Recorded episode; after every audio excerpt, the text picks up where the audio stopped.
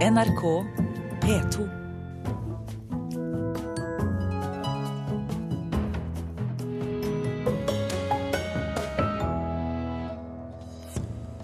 Norske myndigheter ber USA undersøke om Norge er involvert i overvåkingsskandalen.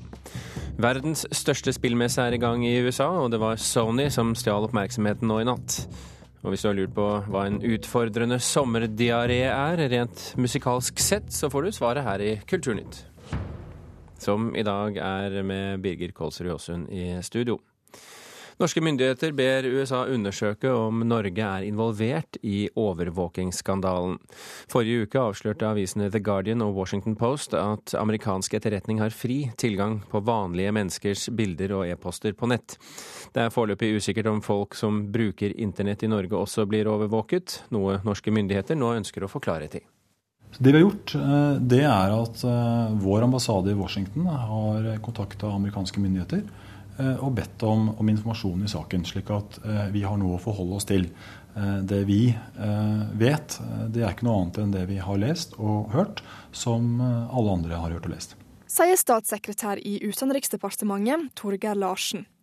Det var avisene The Guardian og Washington Post som i forrige uke kunne avsløre at amerikansk etterretning har fri tilgang til bl.a. e-poster og billetter via Google, Facebook og sju andre nettselskap. Det er foreløpig usikkert om norske internettbrukere også blir overvåka, men Larsen håper nå på et svar fra amerikanske styresmakter. Det som er viktig, eh, det er at eh, vi eh, er med å bringe klarhet, slik at nordmenn flest som er på sosiale medier og, og andre steder, har en større trygghet og sikkerhet i forhold til hva dette er. I forgårs sto kjelder bak overvåkningsskandalen, Edward Snowden, fram. Jeg kan ikke tillate at amerikanske styresmakter ødelegger personvernet og grunnleggende fridommer, uttaler Snowden i et intervju med den britiske avisa The Guardian søndag kveld. When you are subverting the power of government, that, that's a fundamentally dangerous thing to democracy. Snowden regner nå med å måtte leve med frykta for amerikansk etterretning resten av livet. Men også her i Norge er flere bekymra for at amerikanerne har tilgang til å lese e-postene våre. En av dem er direktør for internett og nye medier i IKT Norge, Torgeir Waterhouse. Dette er veldig alvorlig. Dette er ikke noe vi kan finne oss i i det hele tatt hvis et annet land gjør dette. De får være veldig tydelige, veldig tydelige på at den type aktivitet overfor norske borgere aksepterer vi ikke i det hele tatt. Å forlange at bruk av data om deg og meg, det skjer kun etter rettskjennelser. Sa Waterhouse til Kulturnytt fredag ettermiddag. Han får støtte fra leder i Unge Venstre, Sveinung Rotevatn. For det første så bør norske myndigheter få helt på det rene hva som har skjedd i USA, og hvordan det har rammet norske innbyggere. Vi skal være veldig kritiske til hva fullmakter statlige myndigheter har. Eh, og ikke minst at de kanskje kan tenkes å gå utover de fullmaktene. Nå vet vi ikke det fulle bildet fra USA enda, men det som nå har kommet fram er etter mitt syn skremmende. Og om det stemmer at amerikanske myndigheter har fått direkte tilgang til alt som skjer på serverne til Google eh, og Facebook osv., da angår ikke det bare amerikanere. Da angår det millioner av nordmenn og egentlig mennesker over hele verden. Til slutt hørte vi her leder for Unge Venstre, Sveinung Rotevatn. Reportere var Camilla Yndestad. Og vi kan ta med at flere EU-ledere, blant dem Angela Merkel, varsler at de vil kreve klare svar når de møter amerikanske politikere de neste dagene på hvorvidt USA overvåker europeiske borgere. Det skriver eh, The Guardian.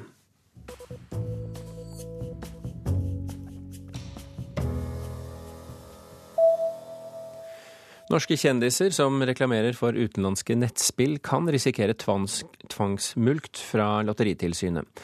Tilsynet gransker nå hvilken rolle kjendiser spiller i markedsføringen, og dersom de brukes til å skape blest om spillene på norsk jord, er det trolig ulovlig, skriver VG. Rundt et eh, trettitalls profilerte nordmenn fra idrett og underholdning reklamerer for poker, bingo og andre former for pengespill på nett. Kjedelige filmtitler gir dårlig kinobesøk. Det tror Nina Refseth, direktør i Norsk Filminstitutt. Hittil i år har det blitt solgt færre billetter enn forventet til norske kinofilmer, og Refseth trekker frem tittelnavn som en mulig årsak. Mange filmer vil ha godt av å ha en tittel som er tydeligere og som posisjonerer filmen bedre, sier Refseth til Dagbladet.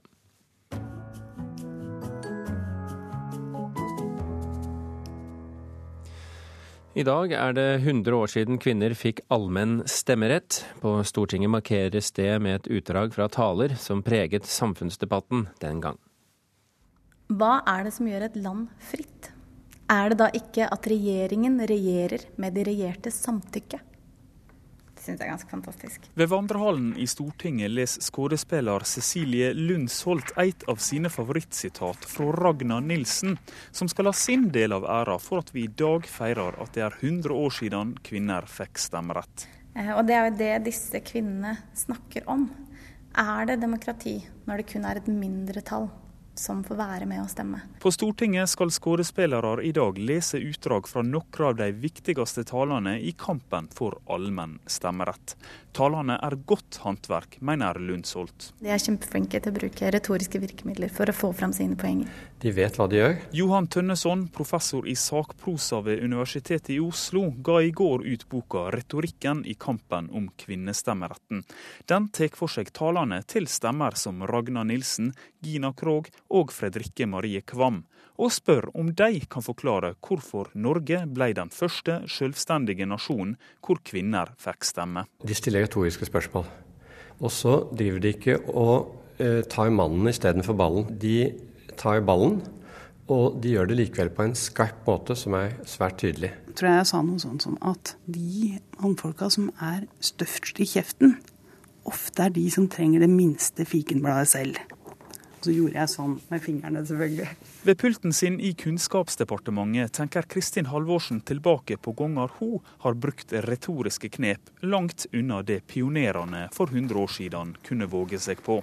Blant annet minnes hun ei feide med Venstre-leder Lars Sponheim i 2009. Jeg var ganske fornøyd med den, fordi at jeg fikk tatt igjen. Etter 100 år kan det være vanskelig å forstå hvor vanskelig kampen for stemmeretten var, mener Halvorsen. Det som jeg tror er veldig lett å glemme for oss som lever nå, det er hvor mye det kosta egentlig. Hvor omstridt det var, hvor kontroversielt det var. Men trass i at vi i Norge nå har kommet dit at kvinner ikke bare kan stemme, men også bli ledende politikere, så er det fortsatt slik at det er andre krav til kvinner i politikken enn til menn, mener Halvorsen. Det har jeg observert eh, mange ganger. At eh, hvis man eh, er litt for sterk i, følelsene blir litt for opphissa, blir litt for sint, så er det så har kvinner mindre å gå på enn det mannlige debattanter har. Jeg tror kanskje det er mer en aldersutfordring enn en kjønnsutfordring. Frp-leder Siv Jensen og Kristin Halvorsen er uenige om mye.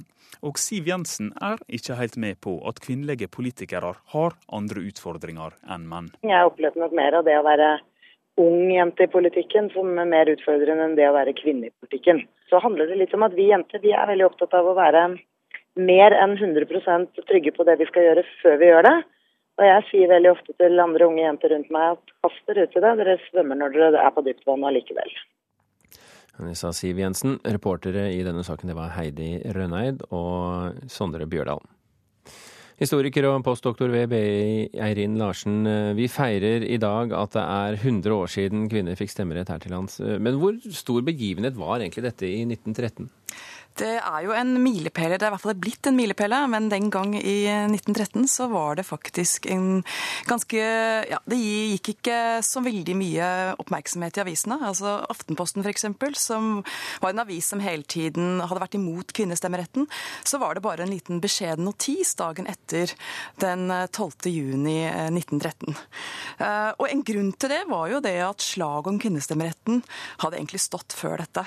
Fra 1890 Eh, da kvinnestemmeretten kom opp på Stortinget, og fram til 1907, når man fikk begrensa statsborgerlig stemmerett for kvinner i Norge. Så 100 år eh, på stemmeretten, det er eh, for den allmenne stemmeretten vi feirer i dag, altså?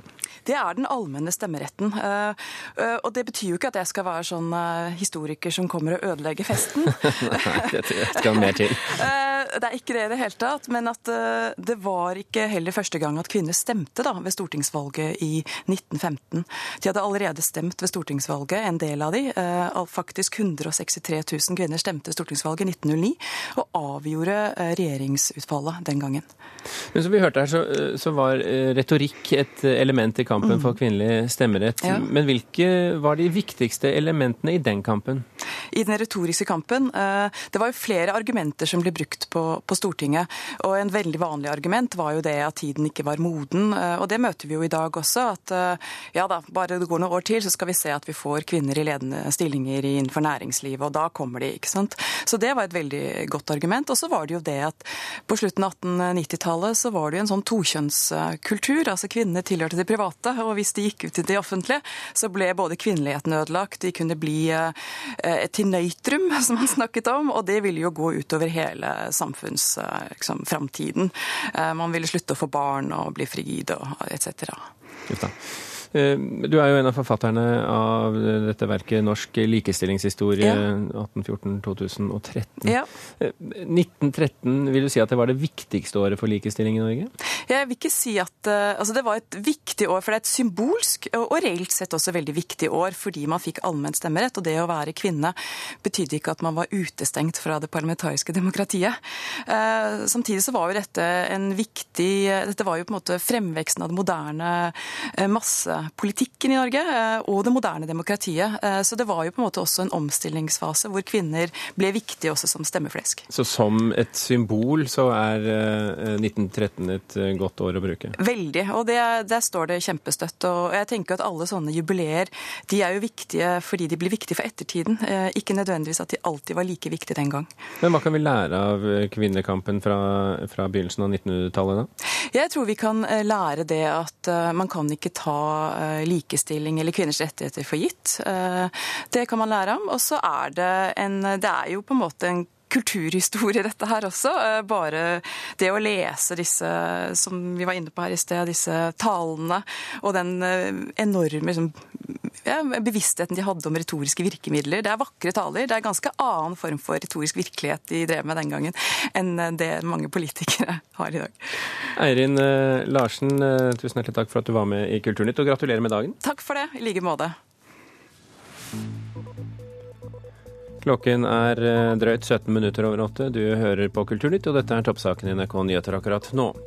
37 milliarder kroner dyrere å bygge veier på høyremåten, mener Samferdselsdepartementet. Useriøst, svarer Høyre. Lærevansker kan bli oppdaget i barnehagen, men mange barn får ikke hjelp før etter flere år på skolen. I'm very proud to announce that PlayStation 4 will be available at $399. Sony høstet stormende jubel da de presenterte PlayStation 4 i natt. Gigantene Sony og Microsoft presenterte sine nye TV-spillmaskiner på verdens største og viktigste spillmesse, E3 i Los Angeles.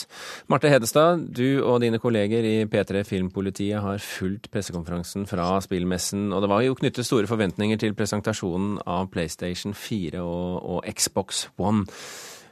Hvem vant oppmerksomheten? Det var ingen tvil om at det var Sony som rett og slett vant hele E3 i går, og som knuste Microsoft ned i støvlene. Ehm, Microsoft har jo fått veldig mye kritikk for at eh, deres Xbox One må kobles opp på nett for at du skal få tilgang til spillene dine. Eh, og det er ikke mulig å låne bort spill eller å selge brukte spill eh, hvis ikke spilldistributørene tillater det. Og på deres presentasjon så snakka de ikke ikke noe om dette her. De brukte kun tid på å fortelle hvilke spill som kommer til Xbox One, mens eh, Sony de brukte mye tid på å snakke om at eh, PlayStation 4 ikke trenger å være koblet opp til nett for å spille spill, og at det ikke blir noe sperre, sånn at du kan selge og bytte spill så mye du vil, og ikke minst at prisen blir hele 100 dollar lavere enn Xbox One, nemlig 399 dollar istedenfor 499. Så rett og slett så var det sånn at eh, Sony knuste Microsoft, altså. Men Betyr dette at eh, kampen om spillerne nærmest nå er over? Vet du hva? Det, det, er nesten sånn at man har lyst til å si det. Fordi eh, det virker litt som at Sony de har hørt på spillerne og gamerne eh, som hva de, hva, hva de, hvilke ønsker de har. Mens Microsoft har valgt å gå sin egen vei og gjort mye ting som er stikk i strid med det som spillerne ønsker. Eh, og når man da tenker på at uh, konsollen til Microsoft blir mye dyrere enn Sony sin, så er det lett å tenke seg til at uh, folk vil flokke til PlayStation 4 istedenfor Microsoft One. E3 i Los Angeles er en begivenhet for mange spillere som følger med fra hele verden. Men hvorfor er den egentlig blitt så viktig? Det er rett og slett fordi at E3-messa er den største varemessa for eh, spillbransjen. Um, og det er der de store spillselskapene viser frem det de har å komme med fremover. Hvilke spilltitler vi kan vente oss, de første bildene fra store spill som det er knytta forventninger til og sånne ting. Og også da i år mer informasjon om den nye generasjonen med konsoller. Så det er eh, rett og slett fordi det er så store nyheter som kommer derfra. Det ble jo presentert en rekke nye spill, eh, en PlayStation og Xbox Xbox selvfølgelig i løpet av natten, eh, og vi rekker jo ikke gå inn på alle her. Men er det noen spill du uh, gleder deg til å prøve? Ja, og den, den, største nyheten på spillfronten var vel kanskje at det blir et Star Wars Battlefront-spill. Fordi at tidligere i år så kom nyheten om at det tredje spillet i Battlefront-serien har blitt kansellert. Og det var det veldig mange som ble skuffa over. Uh, men senere så ble det da klart at EA har tatt over rettighetene til å lage Star Wars-spill, og i går kveld så viste EA frem en 30 sekunder lang teaser-trailer for et helt nytt Star Wars Battlefront. Så det var stort for mange. Marte Hedenstad, tusen hjertelig takk for at du var med oss og hadde sett på E3 fra Los Angeles i, i um, natt.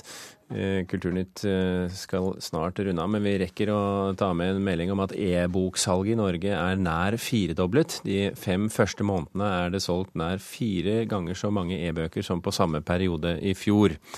Kun 1,3% av skjønnlitteraturen som blir solgt her til lands er e-bøker, men salget er i rask vekst, sier direktør i Forleggerforeningen, Kristen Einarsson. Når vi nå ser salgstallene for eh, de fem første månedene i år, så er salget de fem første månedene nesten 400% høyere enn på samme tid i fjor. Jeg forklarer det med tre ting. Det er eh, flere titler. Det er eh, kraftig priskonkurranse mellom de over ti nettbokhandlene som selger, og stadig utvikling av bedre, og, og, og, altså bedre kundeløsninger. Det sa altså Kristen Einarsson. Kulturnytt eh, er slutt for i dag. I dag har vi fortalt at eh, norske myndigheter ber USA undersøke om Norge er involvert i overvåkingsskandalen. Du har også hørt at verdens største spillmesse er i gang i eh, USA, og at det var Sony som stjal oppmerksomheten i Los Angeles. Kulturnytt var i dag ved Hanne Lunås, Halvor Haugen og Birger Kolsrud Aasen blant andre. Kulturnytt er tilbake klokken halv fem i ettermiddag på P2. Du kan eh, høre oss da. Snart er Øystein Heggen klar med flere nyheter fra inn- og utland. Hør flere podkaster på nrk.no podkast.